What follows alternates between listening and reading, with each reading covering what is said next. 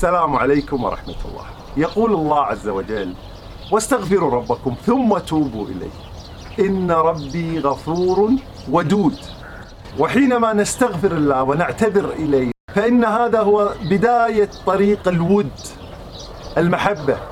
يقول الرسول صلى الله عليه وسلم إن الله إذا أحب عبدا نادى جبريل فقال يا جبريل إني أحببت فلانا فأحبه. فينادي جبريل في أهل السماء إن الله قد أحب فلانا فأحبه وهذا معنى من معاني اسم الله الودود. والطريق إليه هو الاستغفار. فحينما نكثر الاستغفار نحن نكثر الاعتذار. الله الذي خلقكم من ضعف. العلاقة مع الله هي علاقة العبد بربه وأنها من الممكن أن تتحول إلى الود. ولذلك الله عز وجل هو الودود. وليس هناك أجمل من رمضان مواسم الود التي نتقرب فيها من الله. في الحديث القدسي يقول الله عز وجل وما زال عبدي يتقرب إلي بالنوافل حتى أحبه. فإذا أحببته الله عز وجل أحبنا كنت سمعه الذي يسمع به.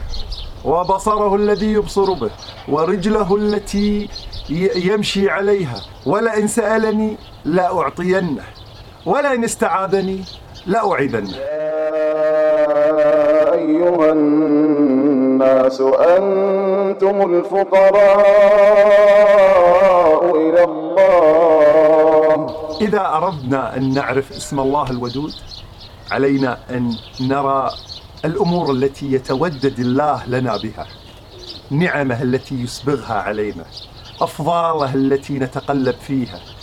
كل هذه النعم علينا أن نراها فنعرف اسم الله الودود الله الذي خلقكم من ضعف ثم جعل من بعد ضعف قوة ثم جعل من بعد قوة ضعفا وشيبا. يخلق ما يشاء وهو العليم القدير.